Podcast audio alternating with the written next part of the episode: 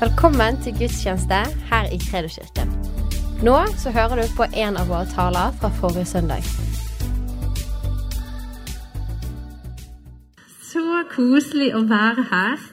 Dette er jo litt sånn andre hjem for oss, nesten. Vi kjenner jo, Jeg kjenner jo Jeg vet ikke om det er halvparten, jeg, men, men det er veldig mye gode hjertevennskap i dette rommet. Så veldig stas å få være her. Tusen takk for at vi får være sammen med dere. Yes, vi har jo snakket Hallo. Der er vi. Der vi. Vi har jo til og med hatt barna våre på BKG. Eller hvis vi har de fortsatt på BKG. De har vært i barnehage og uh, går hele løpet. Her på skal de, bygget. ja, så skal de bli like bra som Joel. Ja, Det er målet. Like bra som Så vi kjenner jo eh, tilhørighet òg til bygget her, og, eh, og alt det dere holder på med. Så vi har jo, eh, vi har jo fått lov til å leie deres lokaler òg for menigheten i mange år. Og så eh, er vi liksom eh, akkurat begynt å flytte, eh, og vi er i en veldig sånn spennende prosess som kan jo være kjekt for noen dere å vite om. Eh, en menighet som heter Evangeliekirken, en, en, en eldre Maranata-menighet, tok kontakt med oss for litt over et år siden og ønsket et samarbeid. Og nå ser det ut som at det blir en fusjon eh, med den menigheten, og at vi eh, får lov til å overta bygget deres nede i Bjørnsons gate. Eh, og det er veldig kjekt, for da får vi liksom et eget hjem, vi òg, eh, for menigheten. Så det, det er supert. Så tusen takk for at vi har i så mange år fått lov til å være her i lokalet. Og både hatt barna på skole her, og vi har hatt masse samarbeid med dere. Vi har bibelskolen, og vi er blitt venner med veldig mange av dere her i menigheten. Så det er vi veldig glad for. Og så er vi òg glad for å få vårt eget hjem. Ja, eh, Vi ble jo fint introdusert her litt. Altså, Du jobber jo eh, fulltid med menigheten, sant? så den er jo enkel og grei.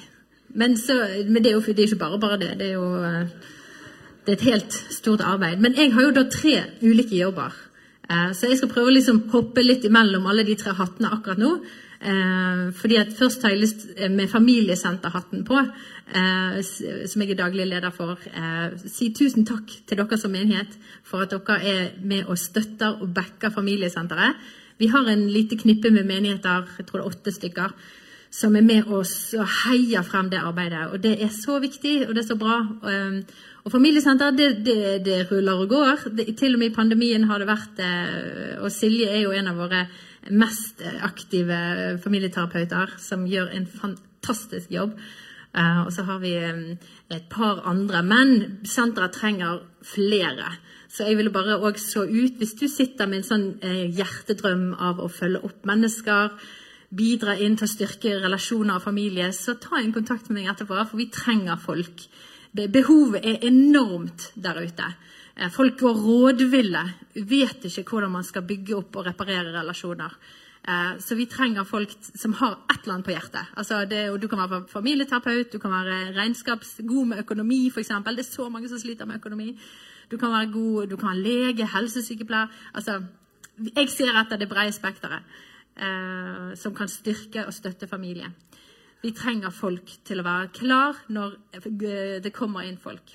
Så det, det tikker inn, og, og, og vi har, uh, følger opp folk uh, til stadighet i senteret. Um, ja. Så tusen takk for at dere er med og heier på det. Det vil jeg si for familiesenteret. Og så hadde jeg lyst til å bare si eh, fra mammas hjerte, da, som jeg har bygget opp, som jeg jobber da 50 gjennom tro og media. De har så tro på det arbeidet at de ville da ta det inn under sin vinge og, og kjøpe meg fri 50% og det er jeg så glad for, for da får vi mulighet til å lage podkast. Vi får mulighet til å dra rundt og treffe folk. Så nå i mai skal vi ned til Sandnes og ha en event, vår første event, hvor vi skal treffe folk eh, og, og ha litt sånn inspirasjon og, og sånn. Så eh, hvis du har lyst til å være med på det, så fyller vi opp biler fra Bergen, og så kjører vi ned til Sandnes, og så skal vi ha Mammas hjerte-event. Men det òg står jeg der bak og snakker om etterpå, hvis du har lyst til å høre om det. Og så jobber jo jeg selvfølgelig òg med deg, med Yes-fellesskapet. og er med medpastor der. Um, så det var litt om introduksjon. Vi er nettopp blitt 40. Hvordan er det å være 40? Det er nydelig å bli voksen. Jeg syns det er deilig å være 40. Vi, eh, vi skal ikke preke lenge om det, men eh, vi har litt på hjertet det med å omfavne liksom, den Ja. alderen man er. Så jeg fant ut når jeg, var, jeg ble nervøs når jeg ble 35. For da skjønte jeg liksom at nå bærer det strake veien til 40 og videre. Og da kjente jeg på liksom, jeg fikk liksom en kamp, og så tenkte jeg ah, jeg har ikke lyst til å komme inn i sånn 40-årskrise. Og så fant jeg ut at måten å ikke komme inn i 40-årskrise, det er å omfavne 40-årene. Og for 40-årskrise er jo basically å tenke det at du er 20 fortsatt. Og så blir det ganske patetisk, blir ikke det? Men vi trenger å omfavne alle sesonger i livet. Så vi skal hoppe inn i et ganske seriøst tema. Vi kunne jo snakket om ekteskap og familie og disse tingene på, fra litt forskjellige vinkler, men vi kjente på det at vi skal, vi skal snakke om Guds gode ordninger og, og, og uh, undervise litt fra Guds ord på dette her. Og vi skal gå inn i litt sånn kontroversielle ting. Halleluja. Eh, så, men for å liksom lette stemningen sånn ekstra før vi går inn i liksom de tøffe tingene Guds ord, så, så, kan vi se en liten, eh, en liten, trailer for familien L. Okay? Så for å liksom lette stemningen litt, og så går vi inn i ordet. Så det er et lite, lite minutt her, og så begynner vi. Velkommen til familien L. Klar, ferdig, action. Kjempegøy! Ah!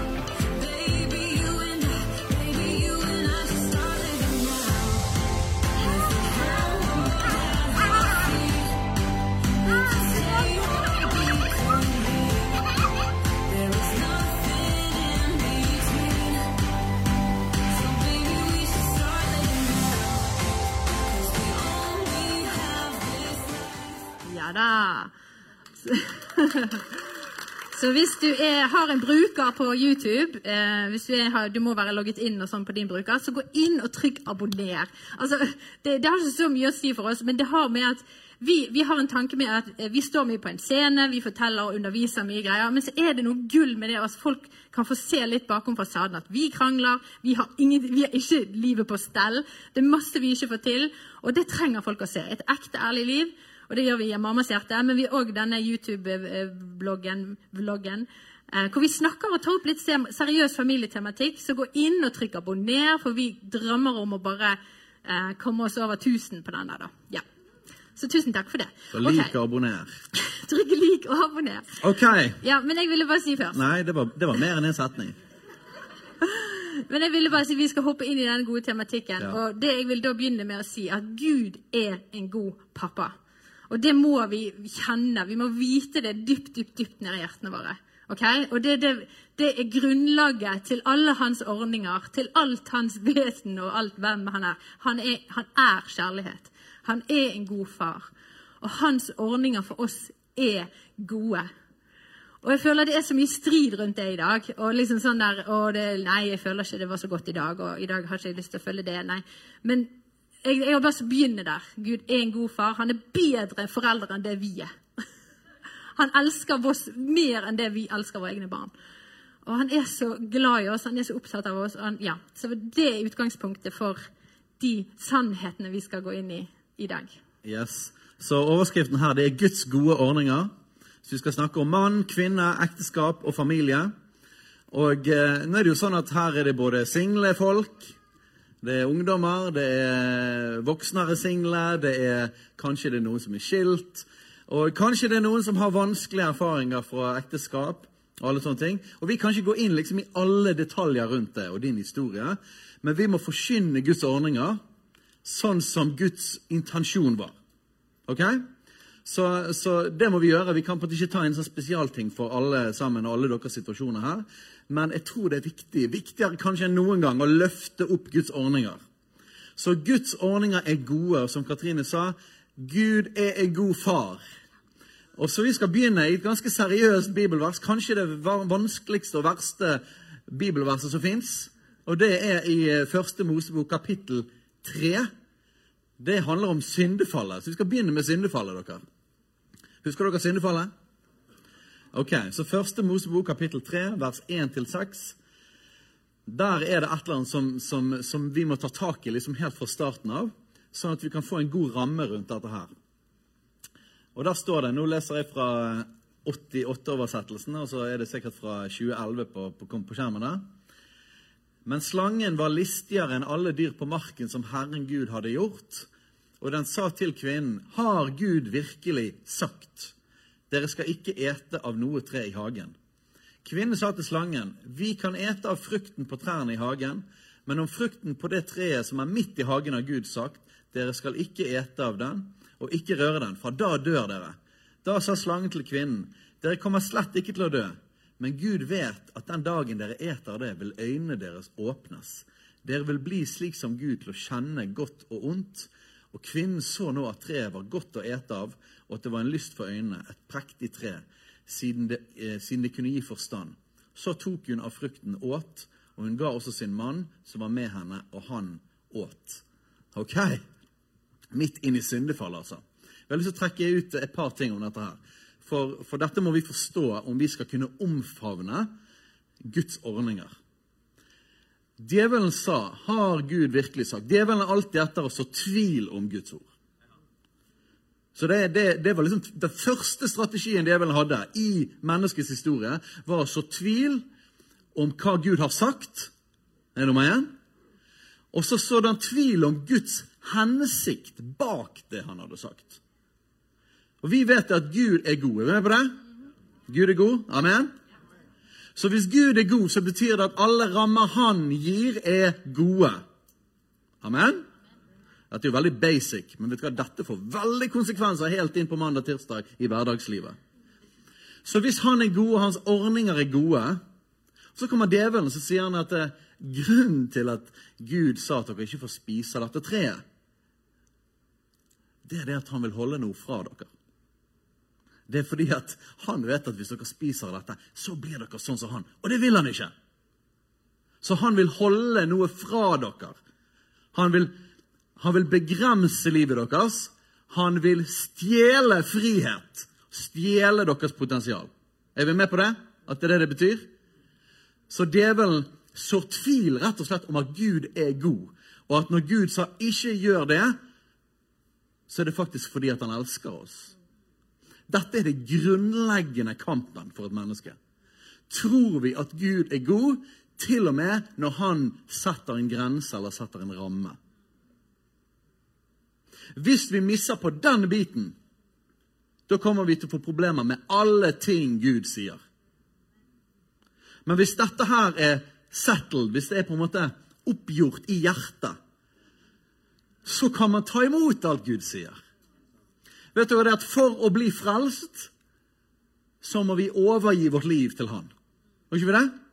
Det betyr at Jesus er Herre. Halleluja! Tror vi at når Han blir vår Herre, sant? når vi gir Han all vår synd, og Han tilgir all vår synd, og at vi får evig liv Tror vi at når Han da blir vår Herre, at Han er en god herre? Er dette et grunnleggende spørsmål? Hvis han er en god herre, så betyr det at når han sier noe, så er det bra for oss. Det står, står om den nye pakt, det står bl.a. i Hebreerne 10, blant annet, står det, det står flere andre steder, står det at, at den nye pakt betyr at vi, han tar ut steinhjertet, så bytter han ut med kjøtthjertet, og så skriver han sin lov i våre hjerter. Vi får en ny ånd. Så det betyr at når vi blir født på ny, så er Guds vilje er på innsiden av oss. Så det gjør det at vi ikke lenger sånn at vi bare prøver å holde hans lover, men vi tror at han egentlig er ond, og at vi stritter imot. Nei, nå er det et ja inni oss. Og Til og med det som jeg ikke har fått åpenbaring på eller sett i Guds ord ennå, der er det et ja allerede. Så det at min ånd er ny, jeg er fornyet på innsiden. Så når Gud sier noe, så er det ja, amen. Er ikke det sånn å være en kristen? En etterfølger av Jesus? Så Hvis det er sånn i oss at vi vurderer hver eneste lille ting, og så krangler mot det, da er jo spørsmålet er vi da født på ny. Har du da fått et nytt hjerte, en ny ånd? Er da Jesus din herre? Er du da en etterfølger av Jesus? Alt er tilbake igjen til dette første spørsmålet har Gud virkelig sagt. Er han faktisk god? For For å overgi vårt liv til han, for å bøye oss for han, så må vi først tro at han er best at han er bedre enn å følge seg sjøl. Han er bedre enn å følge djevelen. Så da har vi settlet det fra, fra, fra, fra før av. sant? Og Det betyr at, at opprør i oss, det er jo ikke naturlig. Når jeg er født på ny, så er ikke det et nei til Guds lov, det er et ja. Amen? Ja, Det er skummelt å si amen til det, for vi skal gå inn i litt tøffe ting her. Men dette er en forutsetning for å forstå Guds ordninger. Så, så vi skal gå gjennom da, Dette var første av fem punkt som vi skal gå gjennom. Og, og, og, og vi tror jo at disse tingene rystes det og rives det i i dag. Og, bare det med å snakke det ut til, til og med dere som, som er her og har sagt ja til Jesus, så er det noe i tankebygningene våre. Vi går ut i en verden hvor dette er under angrep. Så det er så viktig at vi bruker god tid, og jeg setter sånn pris på at dere setter av tid til å undervise om disse tingene, sånn at vi blir stødige i vår eh, tillit til Gud. Da, og at dette handler om at vi, det er en kamp på dette her. At Guds ordninger er gode. Det er ikke, det er ikke gitt at alle mener det, altså. Uh, og den, den, må vi nødt til å begynne med. Og, og det var første punkt der. Og, og vi, vi, bare setter den. Han er en god pappa, og han vet bedre for oss enn det vi faktisk gjør sjøl. Amen. Yes, og bare en, en, kjapp ting her. Det er noen som tror, dette blir, dette ble sagt i samfunnet, at det er blitt en sannhet i vår kultur, at hvis noen er over oss i autoritet, så er det det samme som undertrykkelse. Jeg vet ikke om du fikk med deg den? I vår kultur så tenker vi at hvis noen er over oss, så er det lik undertrykkelse. Men det er bare for å slå det veldig fast. Det er en marxistisk tankegang. Jeg skal ikke gå dypt inn i Marx og men i kommunistiske manifest så, så snakker eh, Karl Marx om, helt på første side der om at eh, liksom, summen av historien det er kamp mellom klasser. Kampen mellom forskjellige grupper. Dette er en tankegang som går gjennom hele samfunnet.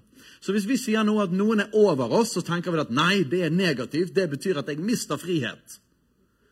Men Guds rike er nemlig sånn at Gud er over oss. Og det er lik frihet, ikke undertrykkelse. Frihet er innenfor Guds rammer, ikke utenfor. Opprør er satanisk i sin natur. Det er det. Så når djevelen så det er tvil om Guds autoritet, og så er det at 'jeg vil være øverst', så blir han kastet ut av himmelen. Så en ånd av opprør, det er djevelen. Men Guds gode ordninger, det er frihet. Og så vet jeg at det som vi protesterer med. Jammen, jammen, jammen! Det er jo folk som har, folk som har misbrukt sin autoritet. ikke det? Det er jo folk som har undertrykket. Hva gjør vi med det, da? Og bare La meg slå det fast med en gang. Å misbruke sin autoritet er synd. De som misbruker sin autoritet, de må stå til ansvar for Gud for det. Det er ikke greit å misbruke sin autoritet. Jesus sier veldig klart hvordan man skal lede. Og hvis man ikke leder sånn som han, så er det synd. Ok? Men det vi ikke har mulighet til som kristne, er å si at fordi noen har misbrukt sin autoritet, så kaster vi ut autoritet. Det er ikke lov å si. For vi må bøye oss under han og hans ordninger. Halleluja. Ok. Henger dere med? Går det bra? Er vi i live? så punkt jo... nummer Ja. ja punkt nummer to. Og snakker du litt om det? Ja. Skapt i Guds bilde. Vi må begynne der. Så i Første Mosebok, kapittel 1, vers 27, så står det at Gud skapte mennesket i sitt bilde. I Guds bilde skapte han det. Til mann og kvinne skapte han dem. Så la oss bare slå det fast tidlig. Dette er liksom nesten første side i Bibelen. Så finnes det altså to kjønn. Mann og kvinne. Og det er jo helt rart, for fem år siden hadde ikke det vært kontroversielt å si engang. Men nå er det plutselig kontroversielt å si. Gud har skapt to typer mennesker. Menn og kvinner. Og de er skapt begge to i hans bilde, i hans likhet. Men sant, eh, det er gitt at når det står på den måten, så er vi forskjellige. Det fins noe som er kvinne, og det fins noe som er mann. Og det som er så viktig, er å forstå at eh, vi rommer Gud eh, på forskjellige måter. Forskjellige egenskaper, forskjellige sider ved Gud er vi blitt gitt å være bærer av. Er ikke det fantastisk? At jeg som kvinne og jeg som mor skal få vise en side av Gud som gjerne en mann ikke har mulighet til å vise. Og jeg er nødt til å reise meg opp og være frimodig og ta liksom, tak i mine ansvarsområder. Og så kan jeg få være bærer ut av hvem han er, og hva han har lagt ned i meg. Frimodig. Og det samme gjelder mann. At han har fått noen sider, noen egenskaper av Gud, Gud som rommer Som en mann skal bære. Som han skal vise til verden rundt seg, til barna sine, til, overfor kvinner. Og, og det syns jeg er utrolig flott. Men allikevel, selv om vi er forskjellige, så er vi altså like verdifulle. Så menn og kvinner er forskjellige både biologisk og psykologisk. Eh, nå for tiden så ønsker man å lage et sånt spekter fra mann på ene siden til kvinne på andre siden, og si at det er en sklidende sånn skala. sant? Men Guds ord forteller oss at eh, nei, det er to helt forskjellige ting. Det er menn, og så er det kvinner. Og så må vi også vite det at innenfor kategorien mann og innenfor kategorien kvinne, så er det jo masse typer. Så det er masse personligheter, og det er et stort spenn i forskjell i personlighet. Og det skal vi ha rom for. Så vi må ikke lage en for trang forståelse eller en for trang rolle av hvordan det er å være mann og kvinne. Det er viktig at vi, at vi har rom for alle varianter som Gud har skapt. Men det er òg viktig at vi forstår det at selv om det er rom på hver side der, så er ikke det en sklidende skala. Det er to forskjellige, både biologisk og psykologisk. Og jeg bare nevner det med psykologisk også, for å si det at Vitenskapen er ganske tydelig. Det har vært mye forskning på um, personlighetstester. Eh, Det er en test som heter Big Five, som er brukt veldig sånn grundig vitenskapelig. Tusenvis på tusenvis av, av tester på menn og kvinner i alle kulturer i alle land i verden. Og det er helt åpenbart at det er en stor psykologisk forskjell på menn og kvinner. Så det er store forskjeller, men så er det samtidig stort rom innenfor. Okay? Og det er fullt lov til å være en mann som er mer følsom og har sterkere omsorgsdrift enn andre menn. Og det er helt lov til å være en dame som kanskje er litt tøffere og mer klassisk, har mer klassiske maskuline trekk enn andre. Det er innenfor. Men vi må likevel skille det fra at om du liksom kjenner det at du er mer omsorgsfull som mann, så betyr det at du er dame. Nei. Det betyr bare at du er, har litt mer av det som mann. Så identitet går i bunn. Og så er den psykologiske forskjellen på toppen. Men gjennomsnittlig så er det ganske stor forskjell på menn og kvinner. Man kan for se hvor mange kvinner er i omsorgsyrker for eksempel, i samfunnet. Og dette, sånn er det i hele verden. Eller du kan se på andre enden av skalaen. Den er ikke så hyggelig. Hvor stor prosent av de som er i fengsel, er menn? Den er ganske klar og tydelig. Så det betyr at menn har litt mer aggressivitet i seg. Ok? Så det er to kjønn, men det er variasjoner innenfor. Og, og det som eh, jeg synes er så viktig på dette, på dette punktet, kalles 'skapt i Guds bilde og, og verdi'. Og det som jeg, eh, er så viktig for oss å, å gripe, og jeg har lyst- til, og vi snakker masse om det i Mammas hjerte-podkast, så, så hør gjerne den, for der eh, går vi mer utfyllende inn i tematikken. Jeg har ikke tid til det nå, men dette med at hva vil det si eh, at, altså, Hva er det Gud har skapt meg som, som kvinne, og hva er det Gud har skapt som eh, mann, og hvordan ser det ut? Og, og, og når vi da trer inn i det og fungerer i det som Han har gitt oss av autoritet og av, av gaver, så, så frigjør det et eller annet. Um, virkelig. Så det, det jeg lyst til bare å se inn at dere òg griper. Hva er det Gud har for meg som jeg skal reise meg opp i? Uh, kanskje han poker borti deg i dag og sier et eller annet. Ja, jeg, jeg har jo hatt det der inni meg lenge. Kanskje du skal reise deg opp i et eller annet i dag som, som, uh, som ligger i deg. Og Det er jo fantastisk det at uh, når han sa at vi er skapt i hans bilde, så kan ikke en mann eller bare en dame reflektere hans natur alene. Men det betyr at han har bevisst begrenset oss, sånn at større del av hvem han er, kan bli reflektert når vi er sammen. Ja. Så det vi, går vi mer inn i. Men Guds hensikt er rett og slett at mann og kvinne skal være ett og være i team. Ja. Men verdien Vi er forskjellige, men verdien er den samme. Så den var viktig å slå fast. Viktig å slå fast at Guds eh, ordninger er gode for oss. Han er en god far. Og det er viktig å slå fast at vi er forskjellige, og vi har forskjellige gaver og en forskjellig intensjon. Ja, neste punkt. Går det bra? det er eh, heter 'Vær fruktbare og bli mange'. Er, en, en, det er jo faktisk en eh, et oppdrag vi har fått som familie, som mann og kvinne, når vi kommer sammen. Da skal vi bli fruktbare og bli mange. Ja? Så vi kan lese bibelverset. Første Mosebok, kapittel 1, vers 28. Det er altså verset etter det vi leste i sted. Vi er altså skapt i Guds bilde. Og så sier Gud videre, og Gud velsignet dem, og Gud sa til dem, vær fruktbare og bli mange, og fyll jorden og legg den under dere, og råd over havets fisker og himmelens fugler, og, alt, og over alt levende som rører seg på jorden. Dette her er jo en befaling. Et oppdrag.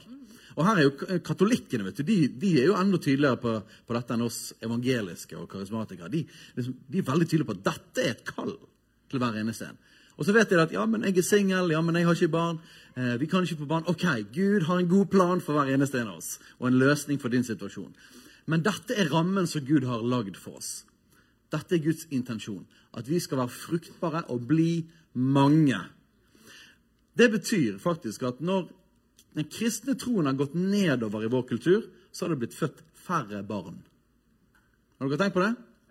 Nå var det Erna Solberg for et år siden eller noe sånt som det, gikk faktisk ut og sa at nå må dere føde flere barn. Og Det er fordi at fødselsraten er altfor lav i Norge. Og dette er pga. en ideologi vi har fått inn. Eh, Men Guds ord sier det at bli fruktbare, bli mange. Vi, vi er ikke fryktelig mange. Jeg forsto at de som var på besøk her eh, De var mange. Var de seks barn? Hadde seks barn? De tok virkelig oppdraget på alvor. Vi har, vi har tre, så vi, liksom, vi har liksom så vidt vært lydige på det. Eh, liksom, for at multiplikasjon det bør det være mer enn å bare eh, to til. Det er det samme. Sant? Vi, vi klarte å øke med én. Men dette med mange barn er Guds vilje, folkens. Og der har jeg òg bare lyst til å så, så ut en, en tanke som, som vi så lett går under i vårt samfunn. da. Altså, vi, vi, vi, vi kjenner jo til tankebygningen bak abort. Den er jo veldig egosentrisk. Det er meg og min kropp, og jeg eh, bestemmer over den. Og hvis det er liv der, så har jeg rett til å ta det vekk, fordi at jeg har meg og min mitt å ta meg av. Ikke sant? Det er en veldig sånn tankegang. Men det som jeg ble så eh, Jeg ble litt, eh, jeg ble litt hva det, stelt, eh, Gud stelte meg litt til eh, Han refset meg litt. Det kan jeg si. ja, Han refset meg. Fordi jeg merket at jeg bar mye ut av samme tankegang. Um, og, det, og jeg har vært ja, veldig tydelig i min tanke om abort tidligere. Men så kom jeg til et punkt hvor, um, hvor vi um, Jeg hadde disse to små prinsessene som dere så på video her. Og de, Jeg var så lykkelig, og de var så perfekte, og jeg var så takknemlig. Og det var liksom alt, Jeg kunne ikke spurt om noe mer enn disse fantastiske barna vi hadde fått. Og jeg kunne, liksom, jeg kunne ha en i hver hånd, og jeg hadde liksom kontroll på sakene. Og så tenkte jeg at nå, nå er vi liksom Jeg hadde sagt ut til familie og til venner at nei, nå er vi fornøyd, vi skal ikke ha mer barn nå. For dette, nå er vi åh, Dette er vi glad for. Og så har du hatt ganske tøffe graviditeter. Ja, jeg har spydd i ni måneder og uh, fremdeles vondt i bekkenet. Så, sant? Altså, du, det er jo Det kjenner kanskje du til. Nei, det er ganske tøft å gå gjennom de der ni månedene da, for noen. Eh, og, og så fikk Steinar en ganske tydelig tiltale fra Gud. Altså, Gud ropte jo på deg nesten. Altså, du, han, han fanget din oppmerksomhet på mange plasser. Sant? Det begynte jo med at du så tall overalt. Vi kjenner jo til altså, når du ser like tall overalt, og det er bare sånn absurd at det er det samme tallet du så på mikroen, på klokken, på vasketrommel, tørketrommel og på liksom Altså da er det sånn OK, Gud, hva er det du prøver å si? Det var veldig irriterende, for jeg, liksom, jeg liker egentlig ikke sånn som det der. Synes det er litt sånn her tullete. Sier, hvis Gud vil si noe til meg, så får han si det direkte. Ja. Ikke masse sånne symboler rundt omkring. Så det varte vel i flere måneder. Ja, du Eh, men så etter hvert så var det rett og slett så eh, tydelig. Jeg bare skjønte at Gud prøver å få oppmerksomheten min. Så jeg var sånn OK da, Gud. Hva er det du vil si? Jeg skal ikke fortelle hele historien i detalj, men det endte rett og slett opp med at han begynte å tale om eh, ganske tydelig i forhold til de to barna vi hadde, i forhold til hans hensikt med det. Vi hadde fått navnet deres, og det hadde en profetisk betydning i livet vårt. Eh, kan vi fortelle en annen gang? Eller du kan høre på Impact, kanskje. Eh, kom på Impact, så får du hele historien om hva som men, men, men så sa han, så hadde jo Katrine sagt veldig tydelig Nei, vi skal ikke ha flere barn. og var veldig sånn tydelig på det. Um, og så sa han rett og slett dere trenger å få et barn til. Hvis ikke vil dere ikke komme inn i neste sesong av deres liv. Og jeg hadde ingen teologi på det. Jeg har ikke lest om det i en bok, at liksom for hvert barn så kommer du inn i en nys. Men det sa Den hellige ånd, veldig tydelig. Dere må få et nytt barn. Hvis ikke, så kommer dere ikke inn i neste sesong av livet. Og jeg bare sånn OK, men da må du overbevise Katrine. For det at hun, eh, hun er ikke med på det der. Og så bare delte jeg det. Ja. Og, og jeg kjente, altså Det er jo sånn at når Gud eh, taler, da, kanskje dere kjenner igjen det, så switcher han. Altså, han kan gi ett ord, Altså, sånn Steinar sa kanskje Gud har sagt og dette er litt skummelt, at vi skal få en unge til. og, og, så bare åpner det seg. Plutselig er det sånn du sånn, går gjennom klesskapet i Narnia. sant? At du liksom, og Det er jo bare et skap. og nei, uff, det der vil ikke ha det støverbarn her. Men så går du inn og så bare ser du, skjønner du liksom alt. Og, og sånn gjorde, skjedde det meg. Plutselig så slo det meg at for det første at jeg hadde hatt en tankegang av at barn er en belastning. Altså, De kommer og de krever, og de tapper både kroppen min for krefter og energi, og jeg blir kvalm og blir dårlig. Men det er jo på økonomien. Det er jo kjempeøkonomisk ja, ikke smart å ha barn. banken, Til og med banken eh, setter jo lånet vårt ned i forhold til hvor mange barn vi har. Altså, det er liksom uh, Det er en utgiftspost. Er det liksom Hører dere samfunnet snakker? Det er en utgiftspost å ha barn. Hva er det for noe? Og jeg kjenner på krefter. Og jeg, jeg kan ikke nå drømmene mine, karrieren min, fordi jeg må være i permisjon i så og så lenge. Og, og la, la, la, la. Skjønner dere? Og jeg har, Plutselig slo det meg at jeg hadde noe av den samme tankegangen. Og jeg bare Åh, Det er ikke greit i det hele tatt. Så da bare måtte jeg omvende meg og si Og det var jo det Jeg er en griner, så uh, dere får ha meg unnskyldt. Men Gud bare printet inn i hjertet mitt at barn er en velsignelse. Punktum. Ingenting mer. De er en velsignelse. Og de kommer altså, jeg, jeg, skammer meg til og med når jeg sier det. For han legger ned en bit av seg sjøl i hvert eneste menneske han skaper. Og, og, hvem er vi til å forhindre disse menneskene å komme uh, som han ønsker skal være på jorden? Oh, ja. og, og, og de forløser ting rundt seg. Sant? Vi har en datter som heter Håp. Jeg var i en ni år lang depresjon og så bare svart og ville ikke leve. Og så får vi dette ordet med at du skal få en datter. Hun skal hete Håp. Og hun skal bringe håp med seg rundt omkring der som hun går. Og det er liksom Hvem er jeg til å ikke ta imot den fantastiske gaven som det er? Det er en velsignelse, og de åpner opp nye ting. Til og med her fikk vi et ord om at han skal åpne opp en ny sesong av livet deres. Så det ble ganske sånn refset på hele tankegangen min. Og Gud kom og snudde noen perspektiver der som, som er utrolig viktig at vi som kristne òg er med og bryter fram i en kultur hvor det er barn er en belastning. Du skal ikke liksom holde det nede til én. Altså, ja. Så her må vi nødt til å bære noe som et kristent folk, rett og slett. Yes. Og dette, sånn som Gud måtte utfordret oss på, konfronterte oss med, så var det sånn at ja, vi er mot abort fordi at vi mener at det er drap. Men han konfronterte oss rett og slett med å si at selv om dere er imot abort, og dere ikke ville gjort det, så har dere samme tankegang som de som tar abort. At barn er belastning, ikke en velsignelse. Oi! Og jeg tenker at den treffer oss alle, ikke den? Ja. Bare, ok, bare en liten kjapp bønn nå. Hvis det er noen som sliter med å få barn, ja. i Jesu Kristi navn, vi erklærer det at mors liv skal åpne seg fruktbarhet i Jesu Kristi navn. Det er Guds vilje. Vær fruktbar i Jesu Kristi navn. Bli mange. Og hvis det er noen som har tatt abort, så vet vi at Jesu blod renser for all synd. Dersom vi bekjenner våre synder, er han trofast og rettferdig. Han tilgir oss syndene og renser oss for all urett. Ikke bare tilgir han oss, men han gjenoppretter òg. Han gjenoppretter. Gud kan snu alle ting så selv om Guds ord er tydelig på at barn er en velsignelse, så betyr ikke at det er håpløst om du verken ikke kan få barn, eller om du til og med har tatt abort. Gud kan snu det. Men Guds vilje er at barn er en velsignelse, og det må vi forkynne. Og Hvis du tenker nei, jeg vil ikke ha mange barn, eller vil ikke ha barn, da vil jeg utfordre deg til å vende om. For dette er Guds ordning. Ikke vær redd for befolkningsvekst eller overbefolkning av jorden. Det er en løgn. Det er en løgn. Flere barn er bedre, ikke verre. Amen. Guds økonomi er annerledes. Yes, amen. Så vær fruktbar og bli mange. Så bra. Kan bare si til slutt, så spurte, spurte vi Gud, fordi han hadde gitt oss veldig tydelig navnet. Så spurte jeg ok da, vi hadde venta om. Katrine var med. Ok, vi skal få barn. Og spurte jeg, ok Gud, hvem er dette her for et barn? da? Hva er det, hvem du vil gjøre? Så sa han dere skal få en gutt. Og han skal hete, Det jeg faktisk hørte, var at han skal hete Jesus. Jeg bare OK. Det er jo litt crazy, da. Eh, men det er veldig rart når Den hellige ånd taler, for han, kan, han taler, men så skjønner du på en måte meningen med det han sier. Eh, og jeg skjønte at at han ikke trengte å hete Jesus på papiret, men han skulle hete det navnet som betyr 'Herren frelser'. Jeshua eller Joshua, det er navnet hans. Det betyr det samme. Herren frelser. Og, et, eh, og, og så opplevde jeg at Gud sier at dere skal få gjennombrudd på de tingene dere har kjempet med og bedt om i mange år. Gjennombrudd. Herren frelser. Og så fikk vi termindatoen, og det var 8. mai, som er frigjøringsdagen. Og så viste det seg at han ble født på frigjøringsdagen. Så han er et profetisk tegn om gjennombrudd, en ny sesong, og at Herren frelser, han griper inn. Og hver gang vi ser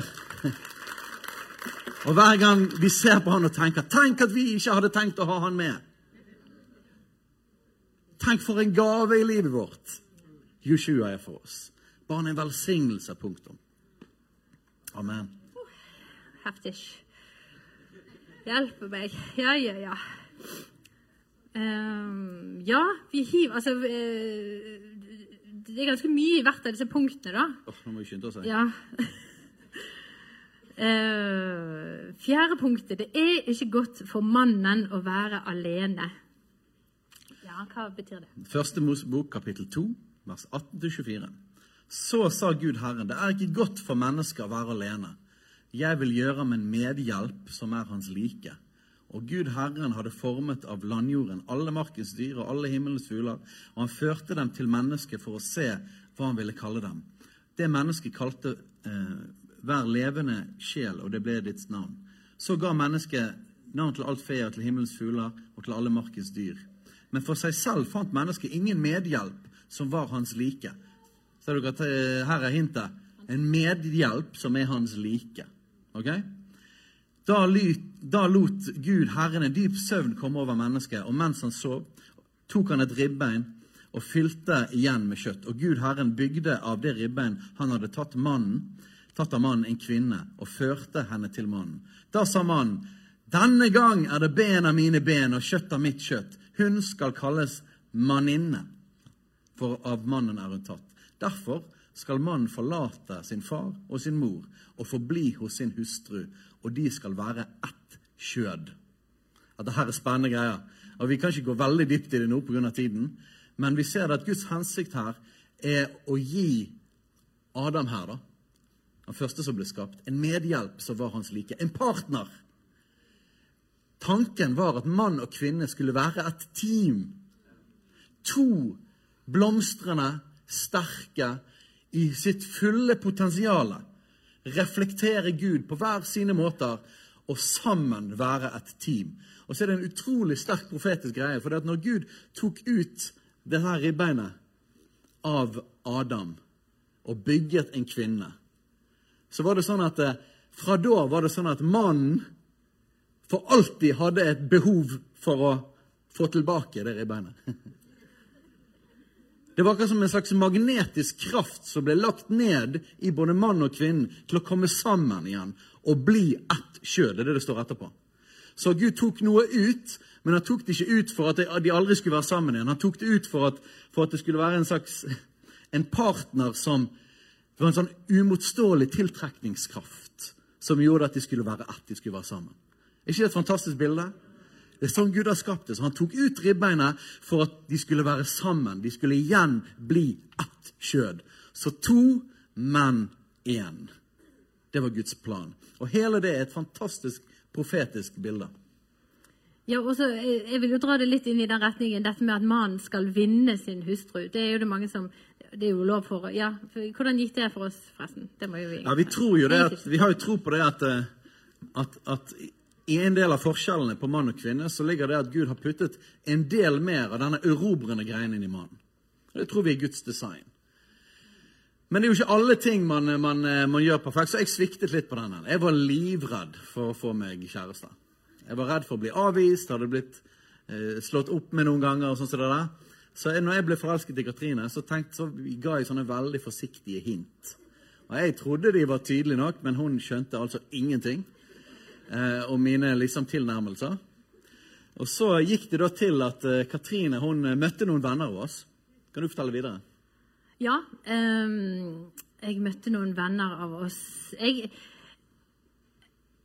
jeg var ganske desperat på den tiden. Ja, det må jeg få lov å si det. Jeg, jeg hadde et behov for noen som skulle komme og være min, mer min og være den som beskyttet meg og være den som passet på meg. Og, så jeg var litt sånn klar for å hoppe på neste hest som kom løpende forbi.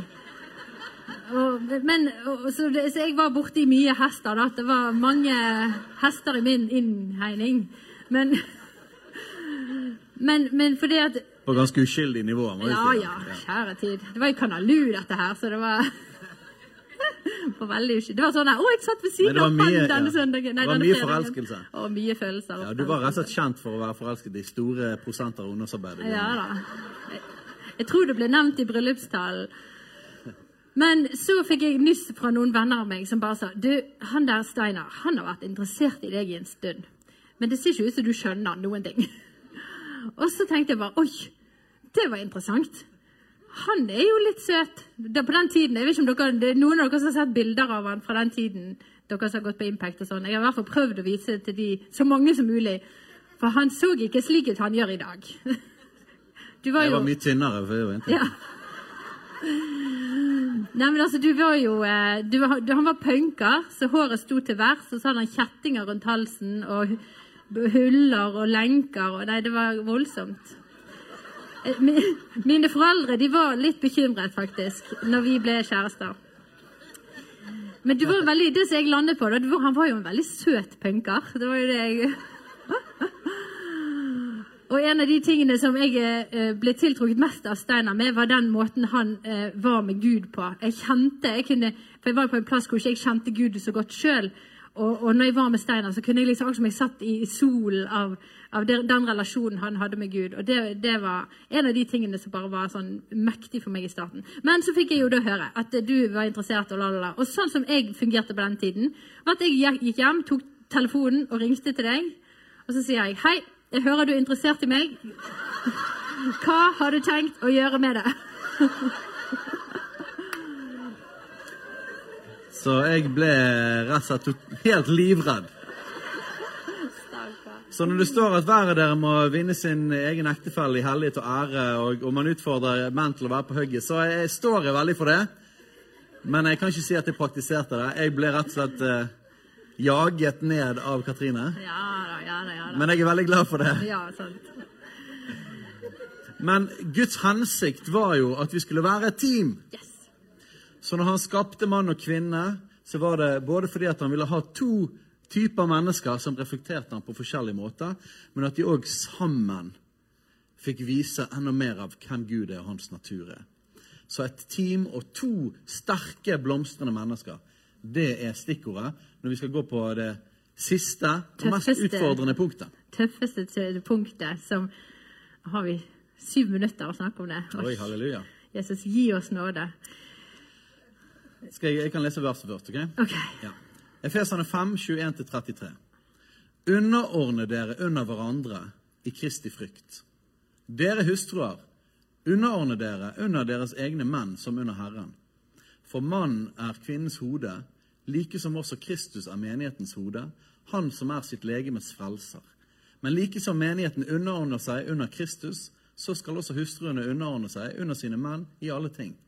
Dere menn, elsk deres hustruer, like som også Kristus elsket menigheten og ga seg selv for den, for å hellige den ved å rense den ved vannbadet i ordet, slik at han kunne stille menigheten framfor seg i herlighet, uten flekk eller rynke eller noe slikt, men at han kunne være hellig og ulastelig.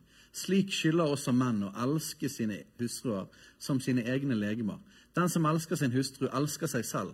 Ingen har noen gang hatet sitt eget kjød, men har nære og varmer det, slik også Kristus gjør med menigheten.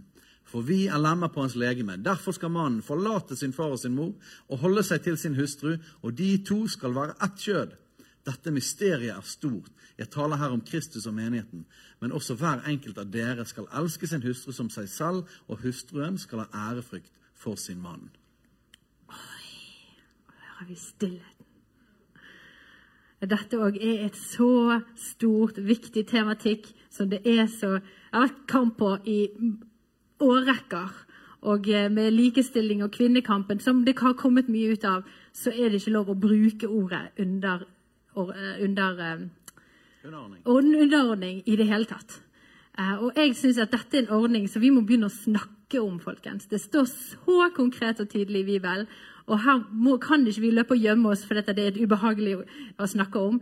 Men dette er viktig å ta opp og, og bearbeide og snakke om. Og her er vi tilbake igjen til første punktet. Når Gud har satt rammer for oss, tror vi da at de er gode? Er han en god far? Er det sånn at om han setter, gir forskjellig autoritet til forskjellige personer Dette gjelder jo flere ledd. Det gjelder jo i foreldre, i forhold til familie. Det gjelder om at, eh, at du er på jobben og du har en sjef. Det gjelder om vi har, en, om vi har myndigheter i landet. Du skal underordne dere myndighetene, står det i Romane 13. Så i alle situasjoner der noen blir satt over i autoritet, så må vi ha tungen beint i munnen. For det første må vi forstå det at at noen er over, betyr ikke at det er undertrykkelse. Det er faktisk Guds godhet. Halleluja! Ikke hør på Max, hør på Jesus. Ok? Hvis noen, ut, hvis noen uh, bruker sin myndighet ikke i tråd med Guds ord, så er det synd. Ok? Så det er ikke lov. At folk har gjort det før, kaster ikke ut Guds ordninger. Vi står til ansvar for vårt hjerte. Både de som har fått autoritet til å lede, står til ansvar for Gud i forhold til å gjøre det med hans natur, med hans hjerte. De som, og i alle, For alle her har noen over seg og noen under seg, i autoritet. Vi må forstå det at forskjellig autoritet betyr ikke forskjellig i verdi. Det betyr forskjellig rolle. Ok? Så lik verdi. Alle er skapt i Guds bilde, men vi har forskjellige roller. Så autoritet og verdi er ikke det samme. Ok? Men når du utøver autoritet, så skal du gjøre det som for Herren. Det betyr han er forbildet til hvordan utøve autoritet. Og når man underordner seg autoritet, som vi alle sammen må gjøre også på forskjellige områder, ikke? Må ikke vi det? så gjør vi det som for Herren. Det betyr at vår både utøvelse av autoritet og vår underordning er begge deler en tilbedelse til Gud. Ikke det? Og det handler ikke primært om den personen, hvor bra den er engang. Det handler faktisk om mitt hjerte og Gud. Er vi med på det? Men sånn som vi tror at Gud har satt dette sammen har ikke vi lang tid på å gå inn i det, men vi har lyst til å ta noen sånne her hovedpunkter for å forstå hele underordningsgreien. Vi tror at Guds hensikt med at noen skal være hodet og noen skal underordne seg, er det at hvordan er det Jesus ledet sine disipler? Husker dere når han vasket føttene på dem han snakket om lederskap? Hva var det Jesus gjorde når han var deres leder? Han fikk de opp. Du skjønner? Så et av kjennetegnene på lederskap det, det betyr òg ansvar, det betyr òg noen ganger å sette retning, og de tingene der, men det betyr òg at de du leder, de blomstrer. Så lederskap betyr å være en beskyttelse som gjør at man, den som man leder, kan komme inn i sitt fulle potensial. Så når, når, Gud, når, Jesus, når, Guds ord her snakker om at kvinnen skal underordne seg, og mannen skal elske kvinnen som Kristus elsket menigheten, så betyr det at Jesus, når han la ned sitt eget liv, gjorde han det for å løfte opp. Så står det videre her om bruden. Stille bruden fram. Ser dere det? Så hvis man utøver lederskap på Guds måte, så fører det til blomstring. Men hva er hensikten på andre siden? Har du lyst til å si noe om det? Jeg tenker du borgen? Ja. Altså, vi, for Et annet bilde, veldig fint bilde på dette som vi bruker mye i våre sammenhenger, er det at eh, en borg som beskytter eh, oss. Sant? Disse gode, gamle festningene. Vi har jo festningen her nede på Bergen. Hva er det den er til for? Altså, Den er til for eh, at ting eh, som er innenfor murene, skal være beskyttet og blomstre og få leve og spire og gro. ikke sant?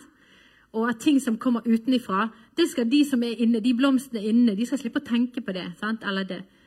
De skal få lov å gi seg hen til at ja, men jeg har en trygg og god borg rundt meg, og da kan jeg få lov å holde på med det jeg skal holde på med her innenfor disse fire eh, veggene, murene. Men det som vi av og til ser, da, når ikke vi godtar dette her bildet, borgen og på en måte, For meg er det også som å ta et, at kvinner, da, vi skal velge å gå inn i borgen. sant? Skjønner? Beskyttelsen inn i borgen. Og være der og være alt som vi skal være. Eh, men sant, det er så mange som står på utsiden av denne borgen og prøver å fighte. og Jeg ser pil og buer og jeg ser sverd og jeg liksom prøver å kjempe alle disse kampene sjøl. Og man blir jo helt for det første er ikke man på den plassen man er skapt å være. Man blir uttappet, utmagret, utslitt. Og man får ikke gjøre det som man faktisk skal gjøre eh, som kvinne, som mor.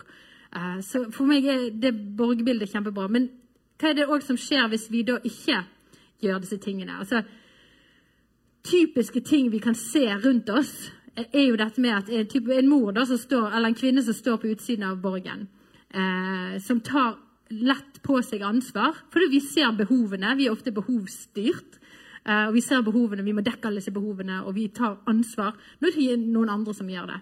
Vi kan fort bli kontrollfreaks. Eh, hønemødre kan det også kalles for. Som egentlig er en god ting. Vi passer bare på våre kyllinger, men det kan gå over i for mye ansvar, for mye kontroll. Vi kontrollerer mannen, vi kontrollerer barna, vi må nødt til å ha kontroll på alle omgivelsene våre. For vi står utenfor borgen og har ingen som beskytter oss, så vi må ha kontroll på absolutt alt. Og det er et kjempeusunn plass for damer å være på. Og jeg ser i samfunnet rundt oss, er, jeg snakker med mye mødre, og de er så slitne. De er så utmattet av å stå og kontrollere. Og stå, for, for det første i 100% jobb, og, og fikse alt på hjemmebane. Og liksom stå opp og liksom ta alle kampene. Det er ganske tappende. Vi ser det at, ta det til slutt her. Vi ser det at eh, et mønster som vi ser veldig mye, er at damer ofte har veldig lett for å gå inn og ta ansvar. Det virker som at det er nesten lettere for damer enn menn. Og veldig ofte blir kjempeslitne, ofte er veldig naturlig selvutslettende. Det er et tegn på, på spesielt kvinner, og mødre spesielt.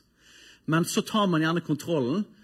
Men det vi opplever, og det vi tror, og det sam- samsvarer med Guds ord, det er at kvinner ønsker òg å være beskyttet. Og de ønsker at mannen skal reise seg opp og være sterk. Ingen ønsker å bli undertrykket, men man ønsker å bli beskyttet. Og så sier jeg beskyttet, jeg er bare en sånn liten sånn her. Nei, dette er Guds gode ordning, hvordan han har skapt mann og kvinne. Menn har en fristelse til å bli distanserte, uengasjerte og bare tenke på seg sjøl. Stereotypen av en mann er han som sitter i sofaen med avisen og pipen, eller liksom telefonen, og blir disconnected. Ikke, ikke skikkelig involvert i barna, ikke ordentlig involvert i barneoppdragelsen, ikke involvert som ledelse. Så menn har en tendens til å trekke seg vekk. Jeg tror at tilbaketrekning er en større fristelse for menn enn kontroll. Dette Det ser vi igjen og igjen og igjen hos folk. Men mannen er kalt til å legge ned sitt liv og tjene. Og å stå i front og lede og kjempe. Mens kvinnen er kalt til å gå under sammen med mannen og være beskyttet og tjene i det. To sterke, to blomstrende. Det er Guds bilde. Og hvis vi kjemper imot dette bildet, så vil frukten vil være negativ. Vi har en hel kultur av utslitte mødre. Og vi har en kultur av distanserte, ansvarsløse menn. Vi kan ikke gå inn i det nå, men hva var det som skjedde når de spiste av frukten? Så sa Adam, 'Kvinnen som du ga meg, ga meg å ete.' Hva er det for noen ting? Ansvarsfraskrivelse. Menn vil være liksom James Bond og ensom ulv. og gå for en sånn. Det er ikke Guds kall. Vend om, mann! Ta ditt ansvar. Å være hode er ikke å herske. Å være hode er å legge ned sitt liv. Å være borgen. Damer elsker deg hvis du gjør det. For hvis du leder ordentlig som mann, så vil kvinnene blomstre og være sterke. Men samtidig beskyttet og ikke så sårbare og stå med hele greien sjøl. Dette kunne vi sagt masse, masse, masse mer om, men vi måtte komme inn i det. Ok?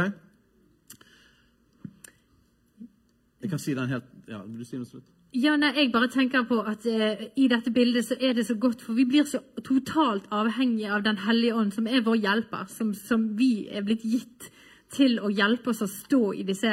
For det er ganske vanskelig, og det snakker vi òg mye om i, i uh, Vi har en treepisoders eh, lang fortelling om eh, en kjempestor clash meg og Steinar fikk for eh, i sommer for to år siden.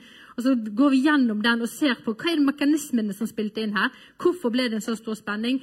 Og det med å leve i den spenningen av at ja, men du er så annerledes enn meg, og jeg, du gjør ikke sånn som jeg vil at du skal gjøre. Og så må jeg bare slippe liksom, kontroll av og til og omvende meg. Og, og, og så, så gå inn på Familien L og se disse tre episodene som ligger. eh, Det er vel kvinne...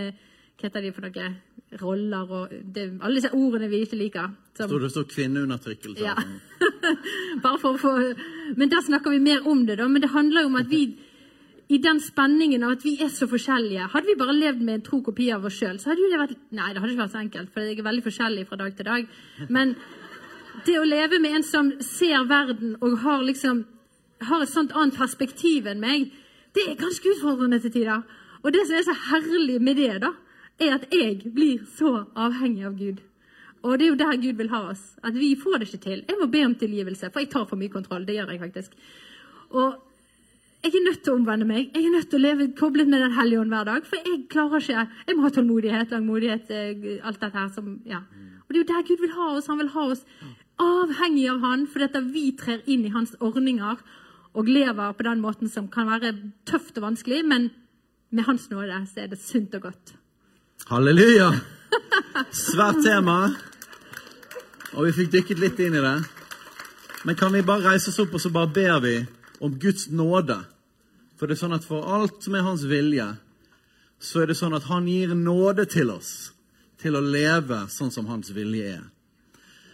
Så far, nå ber vi, her om, at, om, om alle disse tingene som disse, disse, tingene rører opp i oss, her, Alle de forskjellige situasjonene folk er i, Gud.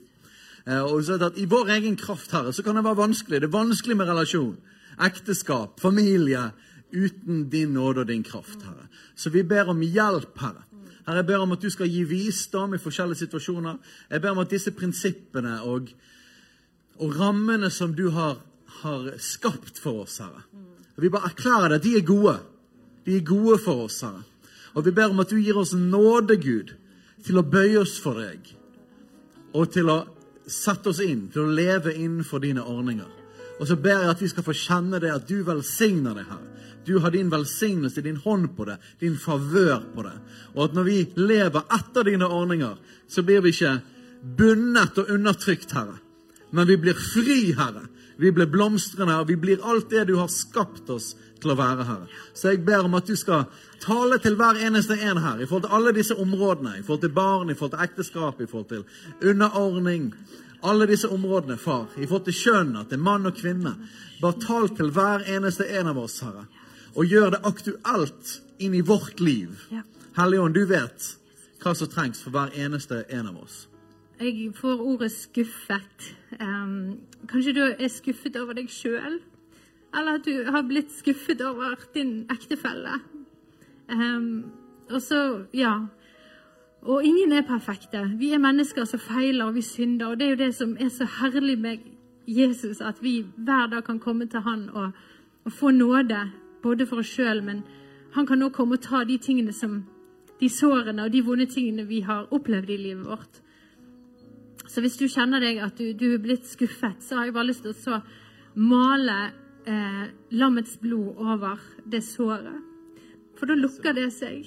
Og det blir ikke et sånt arr med masse sånne hakker i, men det blir faktisk byttet ut med noe nytt. Det blir helt snudd om. Så bare kom Hellige Ånd og bare reparer alle disse sårene av skuffethet, over, over gjerne egne liv, men over og partnere som man har vært skuffet over. Takk, Jesus. I Jesu navn. Amen. Amen. Tusen takk for at du lyttet. Følg oss gjerne på Instagram og Facebook, og så snakkes vi neste uke.